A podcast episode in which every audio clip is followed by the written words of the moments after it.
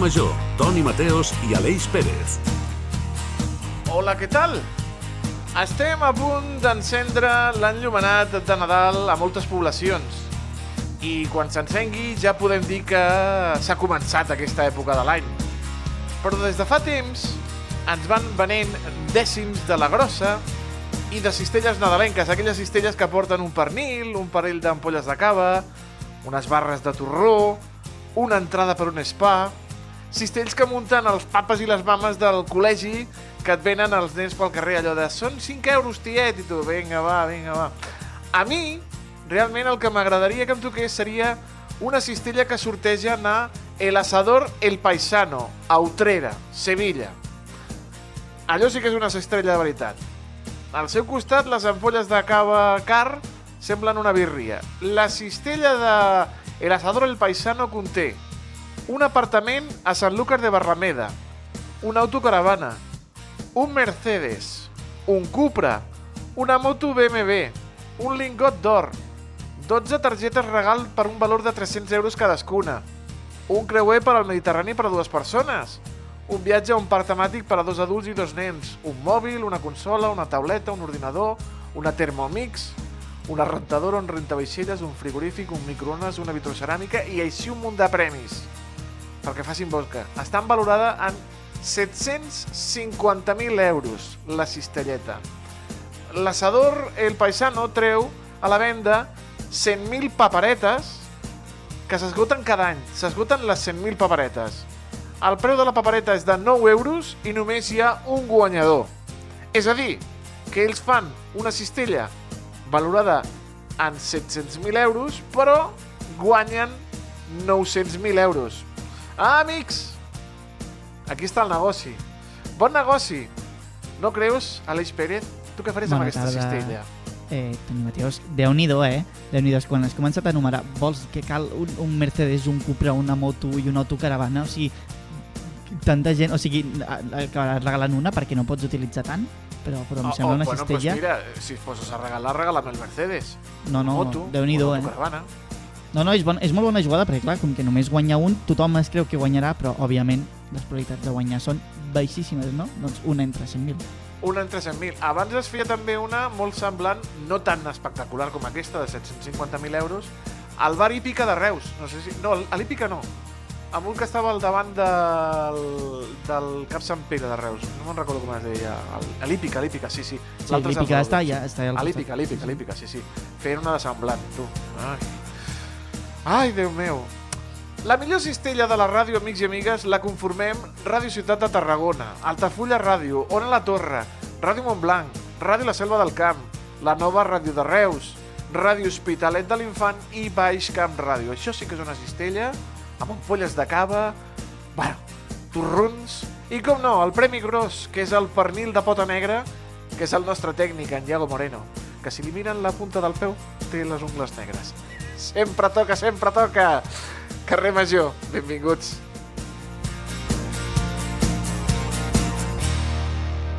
Carrer Major, a la teva ràdio de proximitat.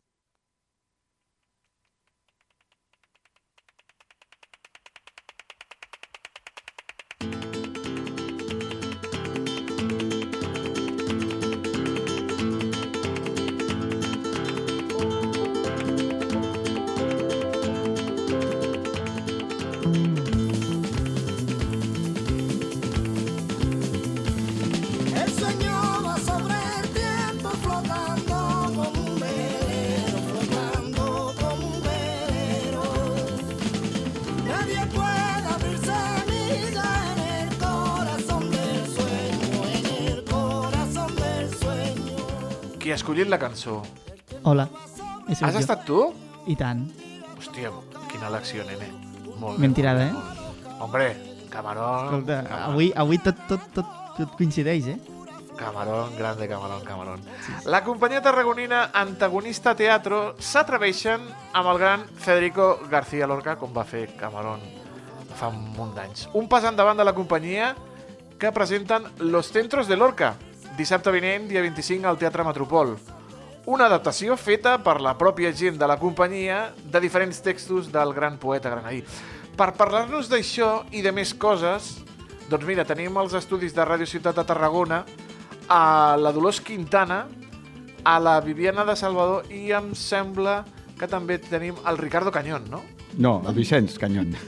Vicenç Cañón, Ricardo Cañón. T'havia canviat el nom. Ostres, no eh, benvinguts a tots tres. Moltes gràcies. Moltes gràcies. Gràcies. Com van els nervis abans de la gran estrena i, a més a més, a casa de- d'un text de Lorca, Los Centros de Lorca? Bé, Hi ha nervis, sí, evidentment, hi ha expectació, hi ha nervis, perquè posar una, un, un text allà davant de, de tothom, una posa en escena, tot, doncs, vulguis que no, doncs ja sempre aquest, aquesta cosa agradarà, no agradarà, però bueno, portem un bon producte i estem molt tranquils. sí, i tant, i tant. A més, si no hi ha aquests nervis, evidentment alguna cosa falla. Quan tens una estrena al davant, tothom, fins i tot els més, eh, els més experimentats, eh, tenen que tenir aquest, aquest punt de nervi, no? Aquesta, aquestes papallones a l'estómac, és normal. I si no hi són, anem malament, massa confiança. I això no és bo. I després Bueno, que anem no amb molta bo. il·lusió i moltes Sí. ganes de fer-ho, i això també hi compta, no? Mm, És un èxit haver-ho fet i un privilegi haver-ho pogut fer i, a més a més, amb, amb la gent que ho estem fent. Jo crec que som un grup que, que bueno, ens hem sentit molt bé fent-lo i això és important. I, per altra banda, mm, clar, un autor d'aquestes característiques que està tan prop de tots nosaltres, perquè al cap i a la fi està parlant de l'ésser humà, dels seus sentiments, de, de tot el que comporta eh, ser doncs això, una persona i, per tant, ens hi hem sentit identificats en aquesta banda i hem treballat molt bé tots plegats i tenim molta il·lusió. Sou una companyia molt jove perquè Antagonista Teatre va néixer el 2021, però, però, m'ha dit un ocellet, un pardal ben gros que es diu Ana Plaza, m'ha dit l'Anna Plaza, hombre, tenim allà la Viviana de Salvador, que és una monstra, el Dolor, la Dolors Quintana, que és una altra monstra del teatre. Dic, hombre, és que... Sí, sí. Com va néixer Antagonista Teatre? Doncs eh, va néixer el 2020, eh? El 2020, a l'any de... Al gener de 2020 va néixer Antagonista Teatre i després, doncs, nah, ens van confinar, vull dir que... Quina estrena, no? Vaja. I vull dir que també, evidentment, eh, tenim aquí a dos de les millors actrius del nostre país, però també contem amb la companyia amb la Rosa Rovira, la Marta Antolín, que és eh, l'autora d'aquest meravellós text, i l'Alberto Esparza, i aquí, un que us parla. I com, vau, com, com us vau conèixer? Doncs pues mira, la Marta i jo vam coincidir amb un, pro, amb un projecte que no va acabar de funcionar.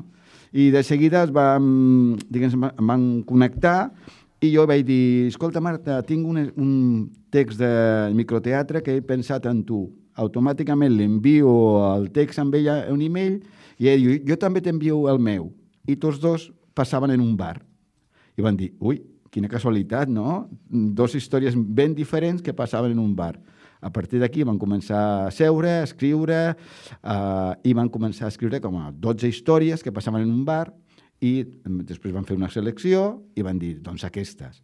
També és veritat que ella, la Marta, eh, va portar a l'Alberto Esparza i a la Viviana de Salvador, i jo vaig portar la Dolors Quintana i a la Rosa Rovira, que ja, vaig, que ja van treballar plegats moltes vegades, i per tant eh, som sis, la companyia, i a partir d'aquí van crear el primer projecte nostre que es diu La Última, que són històries que passen en un bar i que hem tingut la sort de portar-lo per, per terres catalanes, però també hem tingut la sort de portar-lo a Madrid i a Sevilla i alguna coseta més per allà, que, que encara ho hem de fer. I ara amb Los Centros de Lorca, per què Lorca i quin apropament en feu, que entenc que també deu ser complex i amb moltes capes de profunditat? Eh, Lorca perquè sempre ens ha agradat aquest autor, sempre ho hem tingut allò pendent, i ja que tenim una companyia pròpia, per què no fer el que tu vols fer? Aleshores, eh, tenim aquest meravellós planter d'actrius i actors, doncs era molt fàcil plantejar fer aquesta obra. A tri... a... Ens ha costat una mica triar els textos i, sobretot, a la Marta Antolín, que és, la, com eh, torno a dir, és l'autora de, dels, dels textos que no són de l'Orca, lligar totes les històries perquè, tingués, perquè tinguin un, un contingut, un, un fill conductor. I creieu-me que, que ho ha abordat, de veritat. És meravellós el que ha escrit. Hm. que, i que parlin elles dos. Vinga, parla la, la, la Viviana i la... Jo ja no parlo més. Viviana, quins textos eh, heu adaptat de, de Federico García Lorca? Bé, els textos que s'han extret són, eh, són escenes de, de Yerma, de Bodes de Sangre, de la Casa de Bernarda Alba, Rosita poemes Soltera. també, Rosita la Soltera, i després, bueno, algun article de Lorca.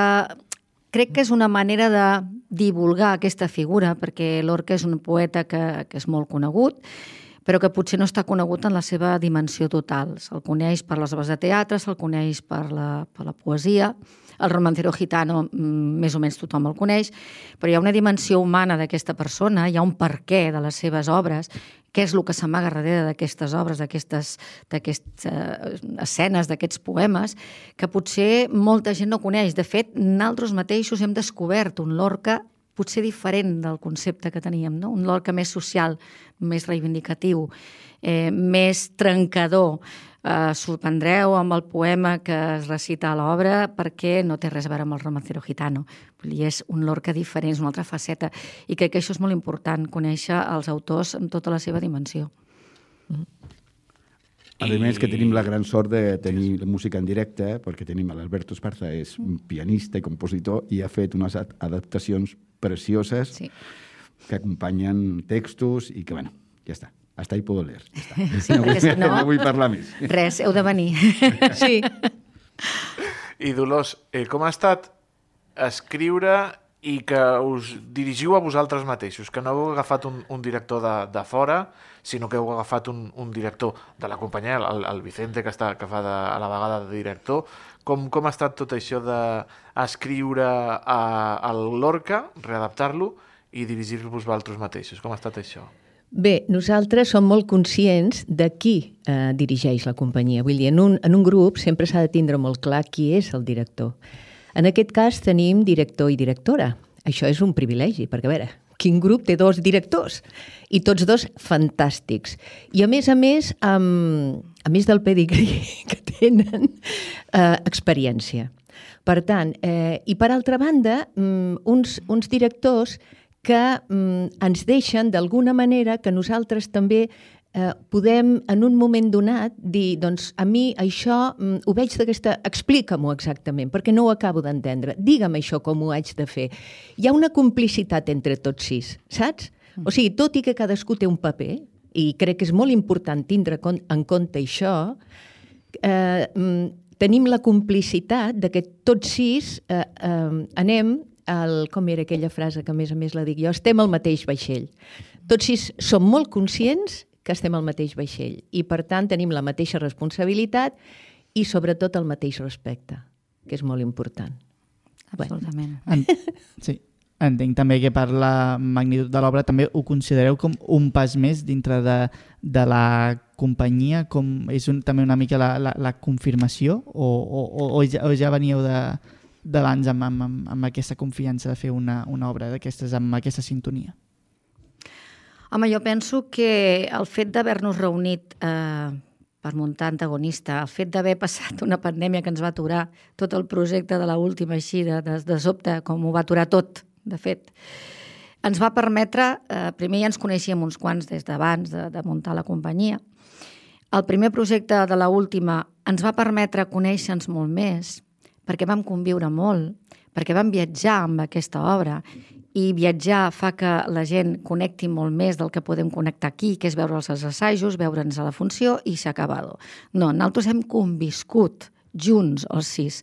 I crec que això ha generat una seguretat afegida que ens ha permès, eh, doncs, bueno, mm, com diuen en castellà, liarnos la manta a la cabeza i muntar una cosa que crec que és bastant, bastant ambiciosa i jo estic convençuda que agradarà, però s'ha de reconèixer que bueno, és una obra d'una gran envergadura perquè eh, hi ha papers molt diferents i els fan les mateixes persones i és un exercici d'interpretació bastant important perquè tenim que passar d'un registre a un altre. Però crec que aquesta, aquesta convivència, aquesta confiança que s'ha generat amb tot el temps que hem fet l'última ens ha ajudat molt precisament a portar a terme això i a fer-ho amb, amb molta unió. I això crec que és una garantia de que les coses surtin bé.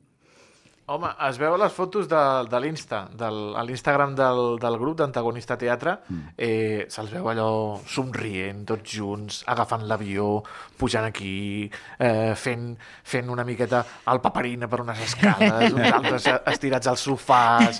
Això, doncs, com, com dius tu, eh, uneix, perquè l'heu voltat molt, com per la província de Tarragona, però també l'heu voltat molt fora. També l'heu portat a, a Sevilla i a Madrid, si no Sí, m'equivoco. Sí, sí, a Barcelona. Exacte. a Barcelona. Sí, sí, perquè quan...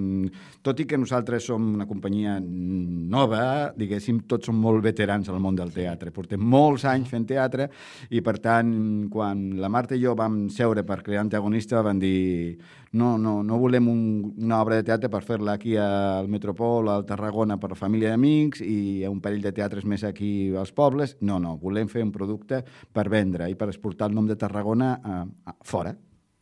I, per tant, ara el repte és Los Centros de Lorca perquè sabem que és un autor molt conegut i que tenim una, una petita porta oberta amb, amb, només amb el nom de Lorca. I això, mm, Sí. això esperem que sigui... Esperem que sigui. Si el talismà, l'orca serà el nostre talismà, crec. Exacte, exacte.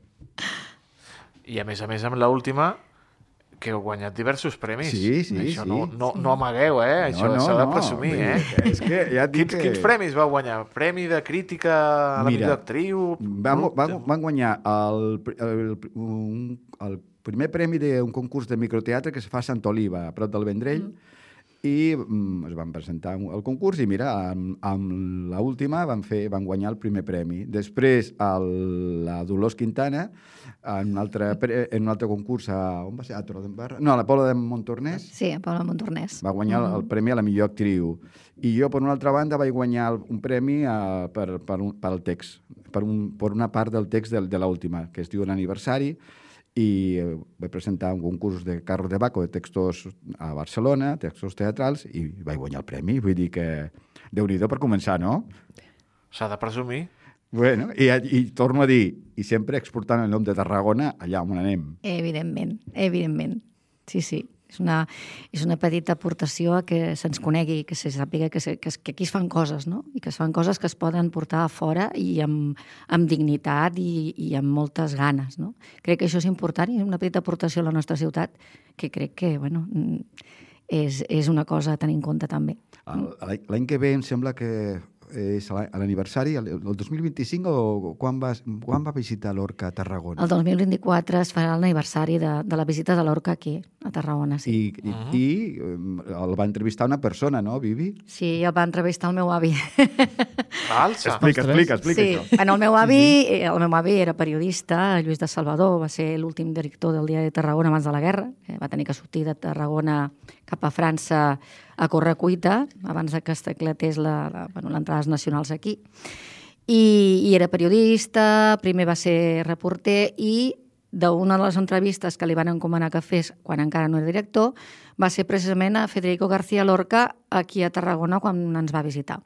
Aleshores, clar, hi ha un lligam també una mica d'especial, no?, en aquest sentit, com a mínim, per la meva part, eh, doncs sento que és una manera també de, de retre una mica de tribut no, a l'avi, que de fet va ser el que em va educar i del qual em sento molt orgullosa. Llavors, bueno, és un, és un valor afegit per mi, no?, de, de poder fer això i de poder representar eh, les paraules de- d'un senyor que va estar aquí, que va venir a la nostra ciutat, que va apreciar el nostre patrimoni i, i el qual doncs, el meu avi va entrevistar. Sí.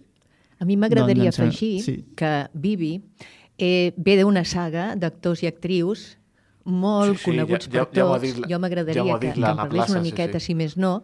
Vull dir que tot aquest talent que té, doncs ja li ve de, de molt- cuna, li ve de cuna. Explica, Dic, explica qui explica qui és. Va, explica Explica'ls, que els hi agradarà saber-ho, va.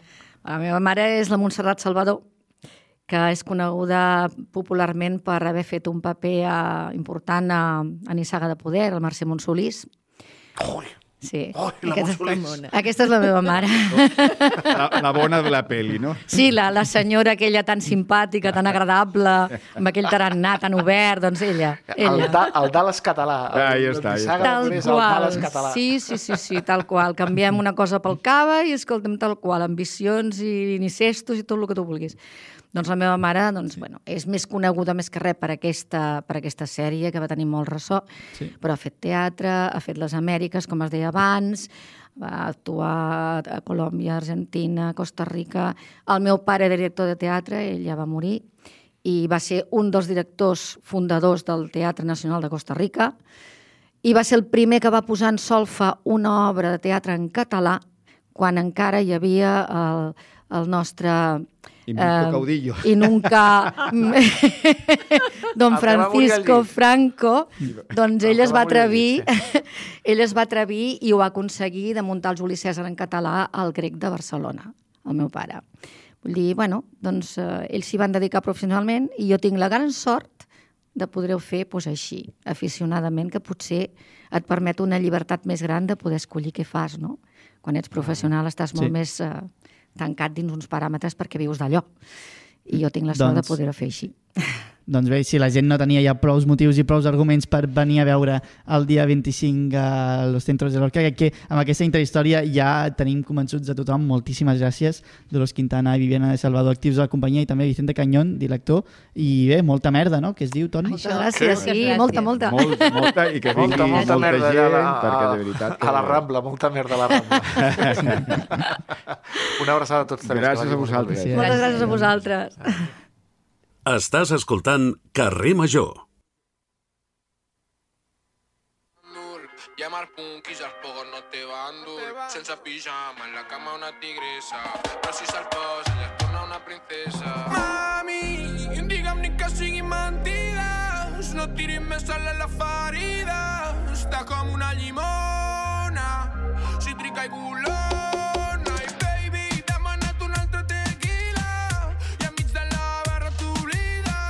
Mira, mira com canta l'Aleix, que aquesta se la coneix, Home, i, i mira com me la mou també... Aqu- Mira com mou el cap també l'Agnès. La música urbana en català, amics i amigues, ja forma part del dia a dia de la generació dels més joves.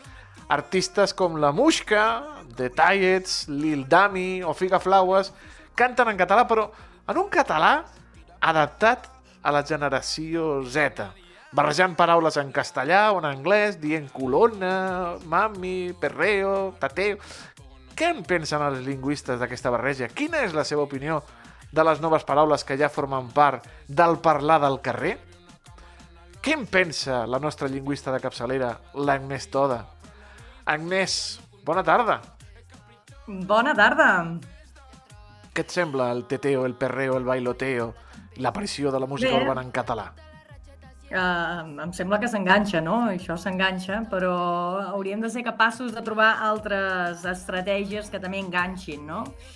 Uh, no sé, l'Andreu Buenafuente me'n recordo, per exemple, que també eh, en els programes que tenia TV3 sempre optava per solucions d'aquestes uh, incorrectes en català, no? com per exemple el matxembrat o coses d'aquestes així, per intentar captar l'atenció de la gent i, ei, que en català també es poden trobar solucions que atrapin la gent i, i que rimin i que, i que tots, eh? que el català, com qualsevol llengua, de fet, no?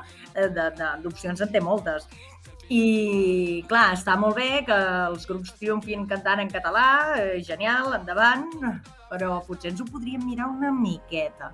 Que sempre hi ha coses que es colen, eh? Perquè, doncs, eh, Sau amb el boig per tu, no? Eh, deia eh, reflexar de la teva llum, del reflejar en castellà, i en, i en català és, és reflectir, hauria de ser reflectida la teva llum, no? Me la veuré. Eh, doncs, doncs això, que, que hi, ha, que, que hi ha opcions en català, que una cosa és que s'encoli que es coli alguna, alguna falta, que són coses, són mals menors, diguéssim, no? Eh, que hi hem de fer. Uh, uh, sempre, ens sempre pot passar i sempre ens passa, de fet, segur a nosaltres quan parlem, jo, a mi també, eh? que jo tinc un fill que sempre em corregeix, perquè jo el dec corregir amb ell, tot i que no me doni en accés que ho faci, però doncs ell deu pensar que sí que ho faig i llavors ell també em corregeix a mi. Uh, jo no, no em considero pas que parli absolutament bé, ni Però- molt menys. Però, però, però sí que considero que amb música eh, potser ens ho podríem mirar una miqueta, que està molt bé, eh? que triomfin tots aquests grups en català i, i sort que hi són, perquè amb la situació en què ens trobem amb la llengua, eh, entre els joves, sort que hi són i, per tant, tot el meu suport endavant. Però eh, mirem-nos-ho Bueno, una tu ets de les miqueta. crítiques, veig que ets de les crítiques, però és el parlar del carrer, és el que diuen els joves. Potser si, si no ho consumeixen d'aquesta forma, creus que generaria rebuig cap al català i, i, i, i passarien? Jo, jo tampoc no estic dient que posin calcoms i que posin coses d'aquestes per les cançons, eh? Jo només Que- dic que que, s'ho una- poden mirar amb- una amb una miqueta paraula i que segur, segur que hi ha rimes que, que enganxen. Que el català, el català també, també pot molar, també pot eh, triomfar eh, en l'àmbit musical eh, amb opcions correctes. Segur, segur, segur. Si no, un dia podem fer un taller amb tots els músics actuals i buscar, buscar solucions.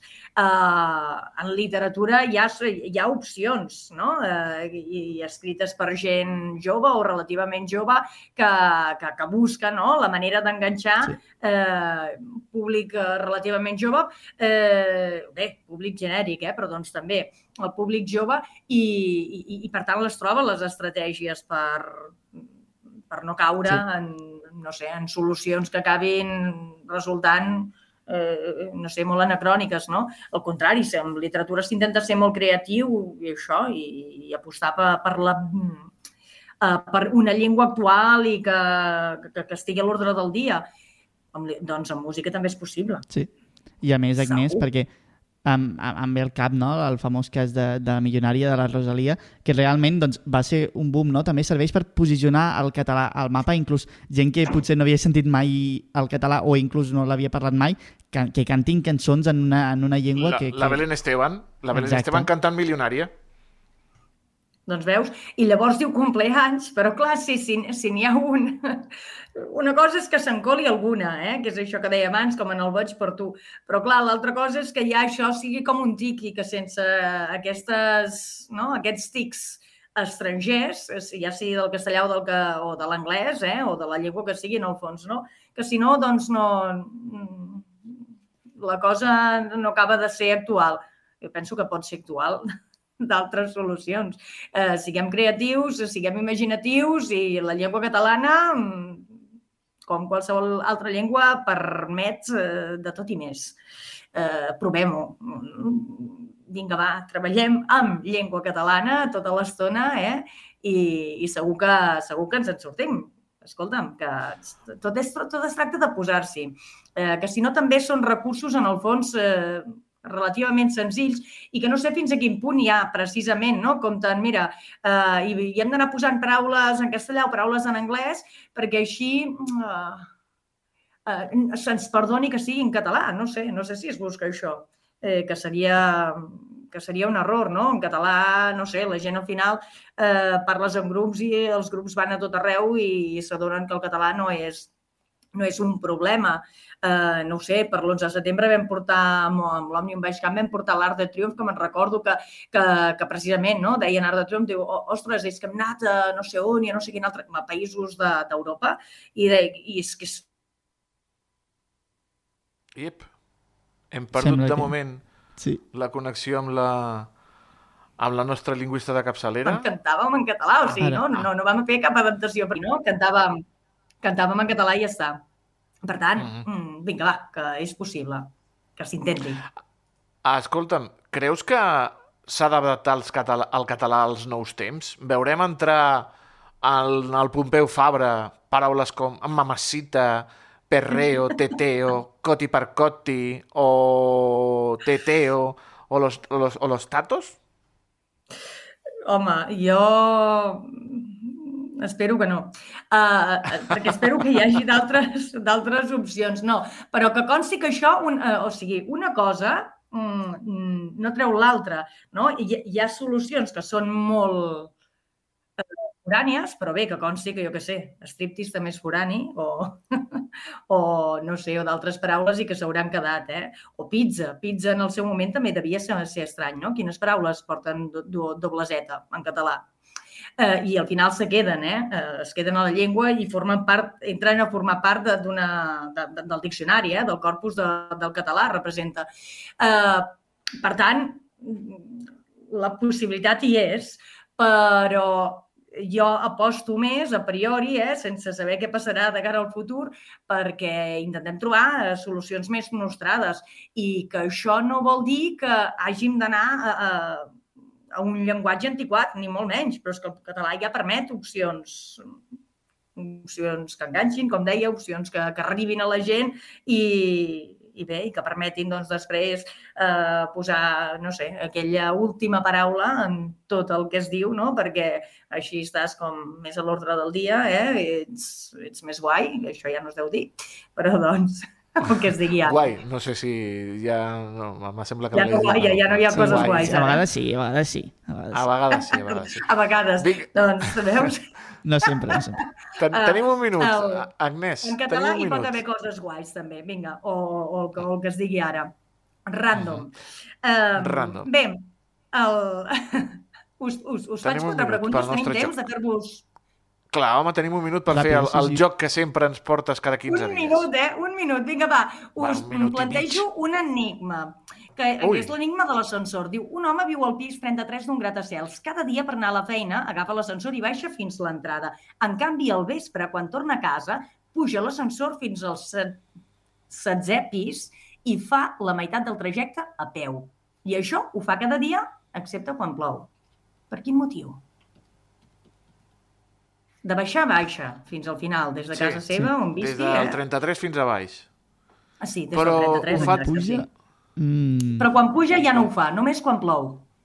Si no, arriba Només fins quan a, fins a l'últim... Ai, fins al setzè i ja està, i la resta puja a peu. Vinga, Quan plou, deu ser, deu puja ser. fins a dalt. I quan no plou, eh, l'ascensor té sostre. Sí, no? L'ascensor té, sí. té sostre, no, puja fins dalt quan, quan plou, eh? fins dalt. Quan plou, fins Ah, dalt. quan plou puja fins dalt. Sí. Uh, Que no sigui un soter... No, però soterranis no pot ser. No, no, no, no, no. Això té alguna trampa, Podeu segur. implicar que, po, que quan porta paraigua, en català és paraigua, un paraigua, no un paraigua, s'aprofito per dir-ho, un paraigua, acaba en va, sense dièresi. El, eh, quan porta paraigua, llavors sí que puja fins dalt de tot. Si Ah, no, amiga, doncs- ja, ja, ja, ja he caigut, ja he caigut, perquè és baixet. Ei! Molt bé! Que bo que sóc! Com t'has quedat, Aleix? Baixet. No, no, jo... Creieu que És ho baixet. O ja no tenim temps? És baixet i dona, li dona el, el bé, el, No a, la, dona a la planta baixa sí que arriba, però al 33 no hi arriba. Però quan plou, va amb el paraigua i fa clinc, clinc, clinc, amb la punta del paraigua es truca al 33. I és que... Ai, ai, Aleix, està Em podria passar a mi perfectament, que és el pitjor de tot. Una última ràpida, que m'ha agradat aquesta. Vinga, va, va, a veure si l'endevineu. Diu, així que em teniu, voleu compartir-me. És una endevinalla, eh? Però llavors Mhm. jo ja no sóc qui sóc. Així que em teniu, voleu compartir-me. Però llavors jo ja no sóc qui sóc. Està vinculat, vinga, va, una pista que és enorme, eh? Amb tot això que hem dit abans, els grups aquests i coses que diuen els grups aquests, una d'aquestes paraules que, que el Toni ha dit, eh, què et sembla si això entrés al diccionari?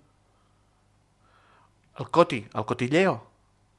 O sigui, Uh, un xiu, no, un xiu-xiuet, en no, català, un com rumor. ho diríem això? Un Un rumor. rumor. Mm, Bé, un, un, un, eh, si és eh, en tant que, a veure, eh, jo ho repeteixo, així que em teniu voleu compartir-me, però llavors jo ja no sóc qui sóc. Jo ja no sóc qui sóc. Eh, un rumor en català és Un una... rumor, enigma... Un... No, no, no, rumor en català és correcte, però, però exactament això es refereix a més que un A què, rumor? A una cosa molt No similar, Xiu-xiueig, que s'explica tampoc, cau no. d'orella perquè no ho senti l'altra gent, Xiu-xiueig, no. mm, però què Un xiu-xiueges amb algú? Ei, Un secret. no ho senti. Un secret. Que no ho senti. Ah, aquí. Un que no ho secret. senti l'Aleix. Secret. Un secret. Un secret. Un secret. Així, així que el diem, eh? Així que el diem, doncs ja, ja està. Ja no, ja no és un secret. Ja, ja no és un secret, eh? Així que em teniu, voleu compartir-me, però llavors jo ja no sóc qui sóc. És veritat, és veritat. Doncs vinga, de moment ens quedem aquí entre nosaltres, eh? Amb aquesta informació. Ah, perquè no en sent ningú, eh? Ho, ho aprofitem. Ho no diem aprofitem. res. Gràcies, eh, Agnès. Fins aquí 15 dies. Una abraçada. Una abraçada Adéu. ben gran. Vinga, adéu, adéu. Adéu. Me embriaga el sabor.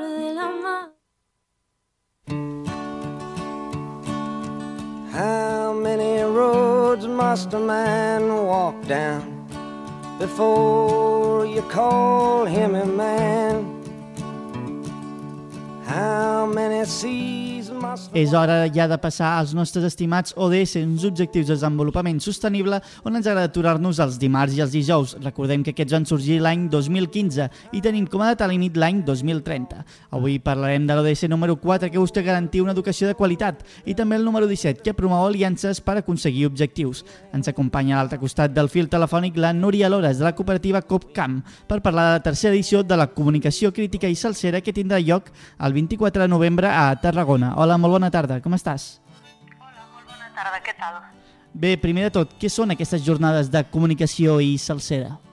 Doncs mira, aquesta és la tercera edició que organitzem ja des de l'Ateneu Copcamp. Eh, el primer any ho vam fer precisament en, en just sortir de la pandèmia, ho vam organitzar al Teatre El Magatzem a Tarragona i era com molt específica per eh, gent que es dedicava al periodisme i al sector de la comunicació.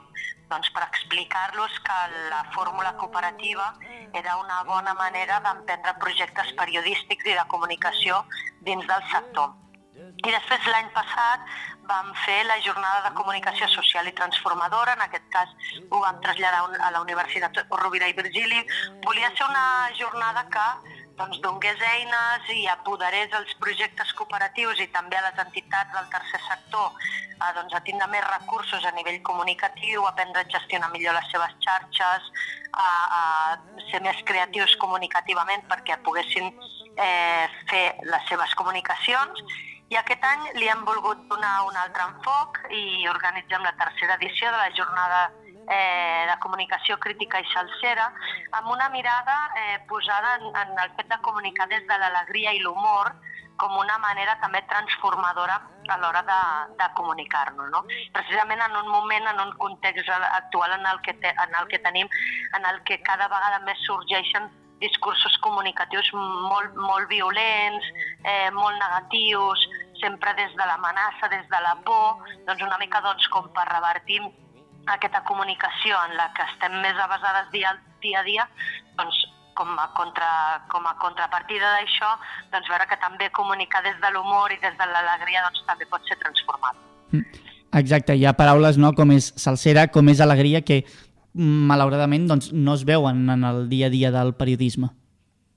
No, el, el que et comentava, no? i a més a més, o sigui, en, en, en, socialment estem en un moment no? carregat de crisis, de guerres, amb missatges constantment doncs, molt negatius, políticament també s'està utilitzant un discurs cada vegada més agressiu, més violent, d'abocar no? com, com aquesta por, aquesta amenaça a la població i, i, i creiem doncs, que, que comunicar d'aquesta manera, doncs, òbviament, està comprovat que és efectiu, no? perquè si no, no, no estaria passant tot el que està passant, però que comunicar doncs, totalment a la inversa, no? des de- d'aquesta alegria, des de l'humor, des de l'estima també cap a, cap a les persones, cap a les coses, cap al nostre entorn, doncs també té un poder realment molt transformador.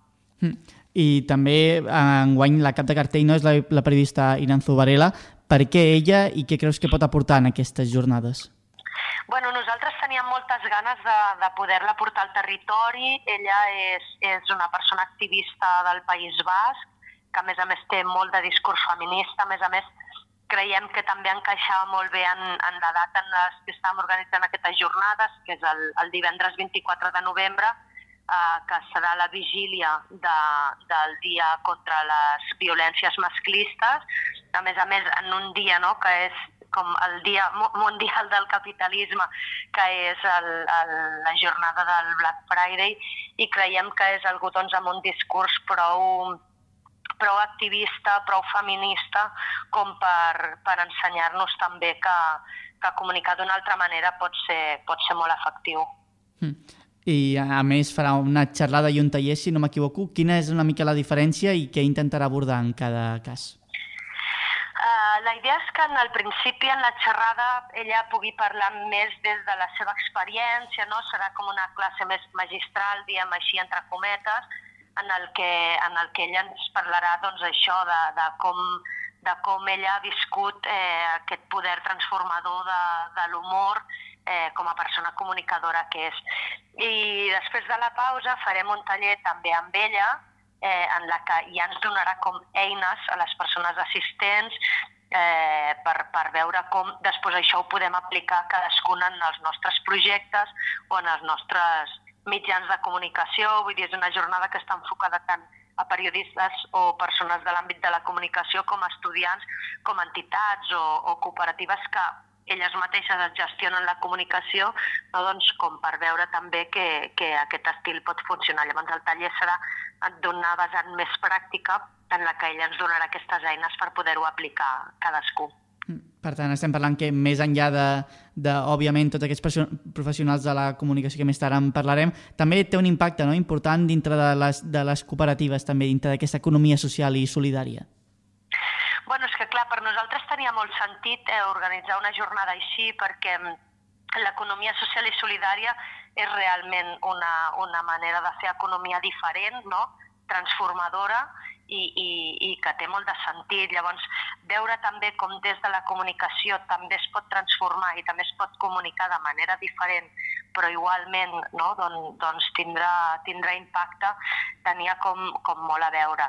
És, és un dels objectius, o l'objectiu principal, diguéssim, de l'Ateneu Copcamp, que és promocionar el cooperativisme, acompanyar cooperatives a que, a que cada vegada hi hagi més cooperatives al territori i, i la veritat és que dins d'aquesta tasca no, l'objectiu de l'Ateneu també és anar buscant doncs, aquells sectors professionals en els que encara potser el cooperativisme no ha arribat eh, d'una forma més, més, més important no? o, més, o més evident eh, per, per anar agafant cada vegada doncs, nous sectors i anar pues, eixamplant aquesta, aquesta manera de- d'emprendre també. Mm, Llavors, per tant, els mitjans de comunicació locals també una mica també hem d'aprendre de com funcionen les cooperatives. Creus que és una sinergia que, que en un futur s'hauria de, de, de, de, de, de, de, d'utilitzar una mica més, de- d'explotar? Jo crec que és un tema que com a professionals de la comunicació, que en el meu cas jo també soc periodista, eh, hem de veure com una possibilitat de dignificar la nostra professió. Vull dir, el periodisme és una professió que sempre ha estat molt castigada no? I, i, i, i poques vegades eh, dignificada com es mereix i el cooperativisme, si més no, permet que això pugui passar. És, és el meu cas personal, o sigui, en el meu cas eh, vaig poder muntar una cooperativa que es dediqués a la comunicació i, i de moment doncs, funciona, va bé i, i puc treballar doncs, en una feina digna, no? amb, un, amb, un, amb un sou digne, etc etc. Llavors, l'evidència hi és i com en el nostre cas hi ha tantíssims casos més, o sigui, mitjans com, com la directa o el crític són mitjans de comunicació que són cooperatius i que estan funcionant, que evidentment les dificultats hi són, les dificultats hi són ja des del punt en el que emprens, no? però el fet de fer-ho des de la fórmula cooperativa doncs et permet crear de forma horitzontal en les que totes les, les temes relacionats amb les cooperatives pues, pues ho abordes de forma no, cooperativitzada precisament i, i tothom es responsabilitza de que realment el projecte funcioni, de que tiri endavant i això és superpositiu perquè d'una banda no hi ha una persona que té tot aquest pes de la decisió ni de la responsabilitat ni tot això i a més a més eh, el fet de, de compartir-ho doncs, també treu com aquest com neguit no? d'haver de, Sí. de, d'haver d'estar eh, garantint que un projecte tira endavant perquè unes persones que hi treballen, etc etc. Llavors, mm, per mi, sens dubte, la fórmula cooperativa és que ens ha permès eh, moltíssimes coses i també pues, viure com decidim viure, no? que és d'una manera pues, més dignificada. Exacte, i crec que, si no m'equivoco, no, el 24 de novembre la gent que pugui estar interessada tindrà un petit tast.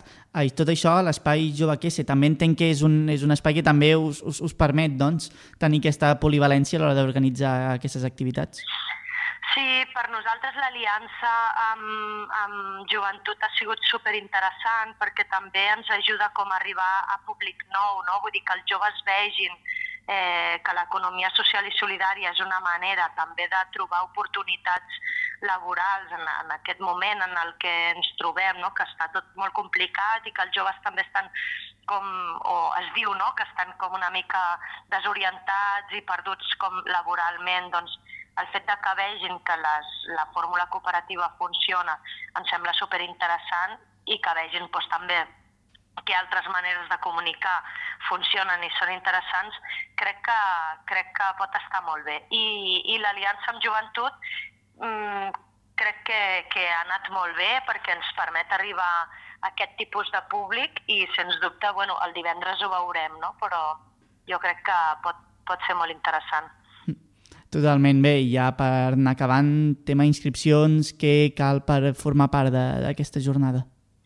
Doncs mira, si hi ha algú que està interessat a venir o interessada, eh, s'ha d'inscriure a través del web de Copcamp, que és copcamp.cat, i allà, si va l'apartat de l'agenda, trobarà que hi ha aquesta activitat el dia 24 de novembre, i llavors s'ha d'inscriure.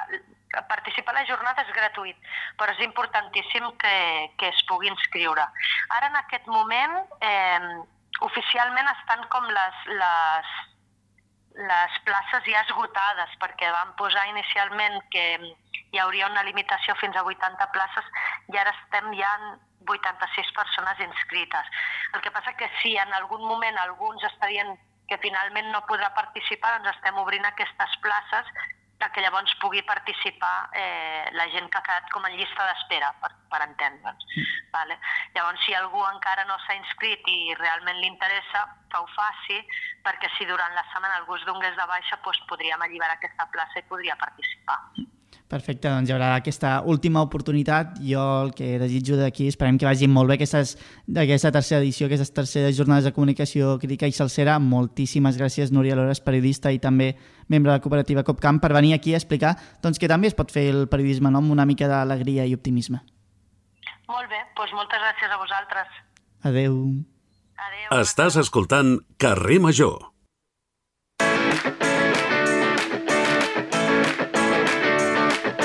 Moment després dels ODS, és moment d'engegar la furgoneta i a veure on ha marxat la Cristina Artacho, la nostra companya, si et sembla, Aleix. La I tant, i tant. Anem, anem. A veure per on para.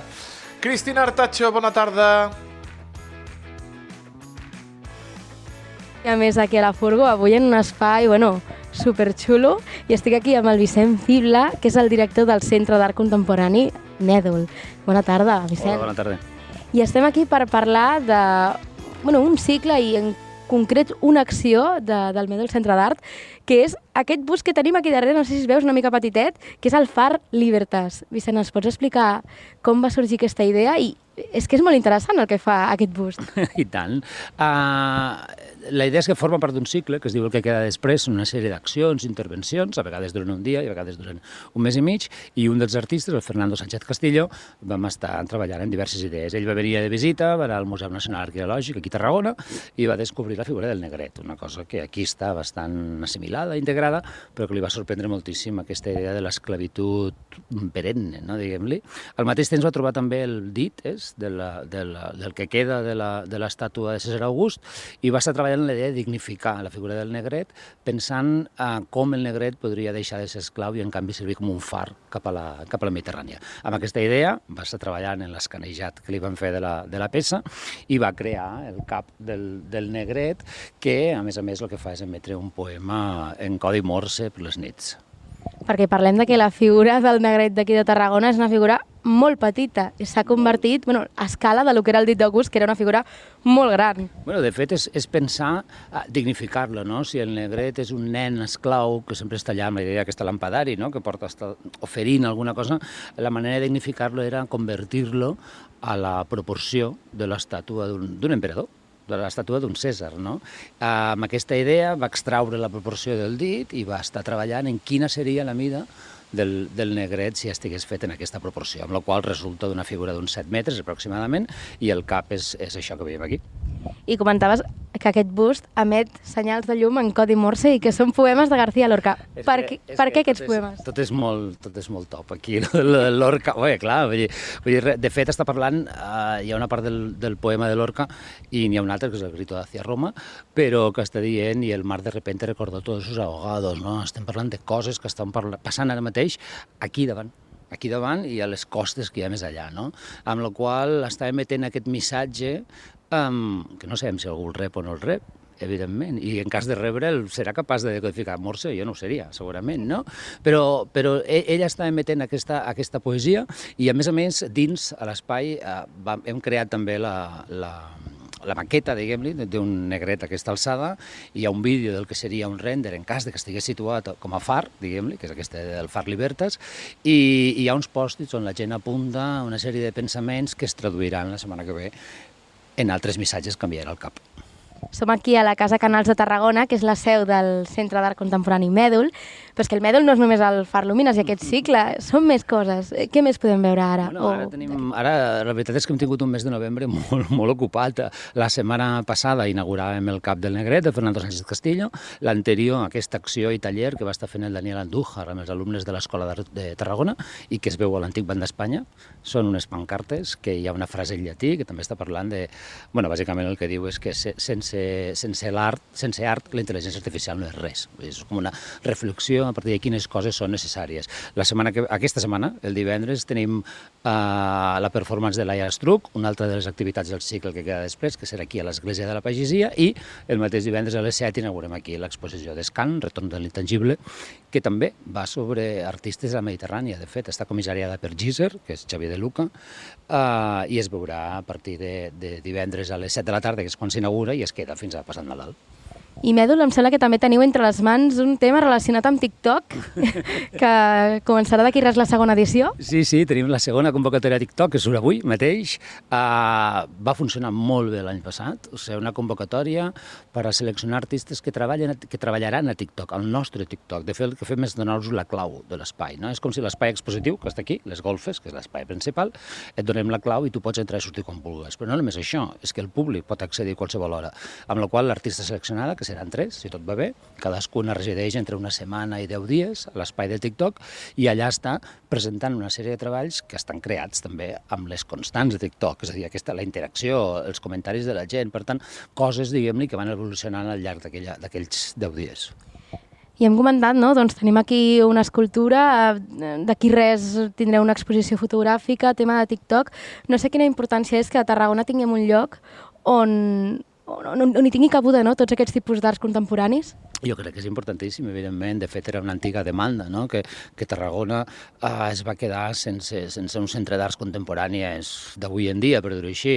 Formem part de la xarxa des, dels espais eh, dels centres d'art territorials, diguem-li, són vuit en total a Catalunya, i, i crec que és importantíssim tenir, tenir un espai així, tot i no tenir un espai físic, però com sabeu, fem de la necessitat virtut, no? i ocupem la planta de dalt de, de la Casa Canals, i això és Mèdol, però també és Mèdol allò que està passant a Portal de Sant Antoni, però també serà Mèdol el que farem a l'església, la performance aquesta el divendres.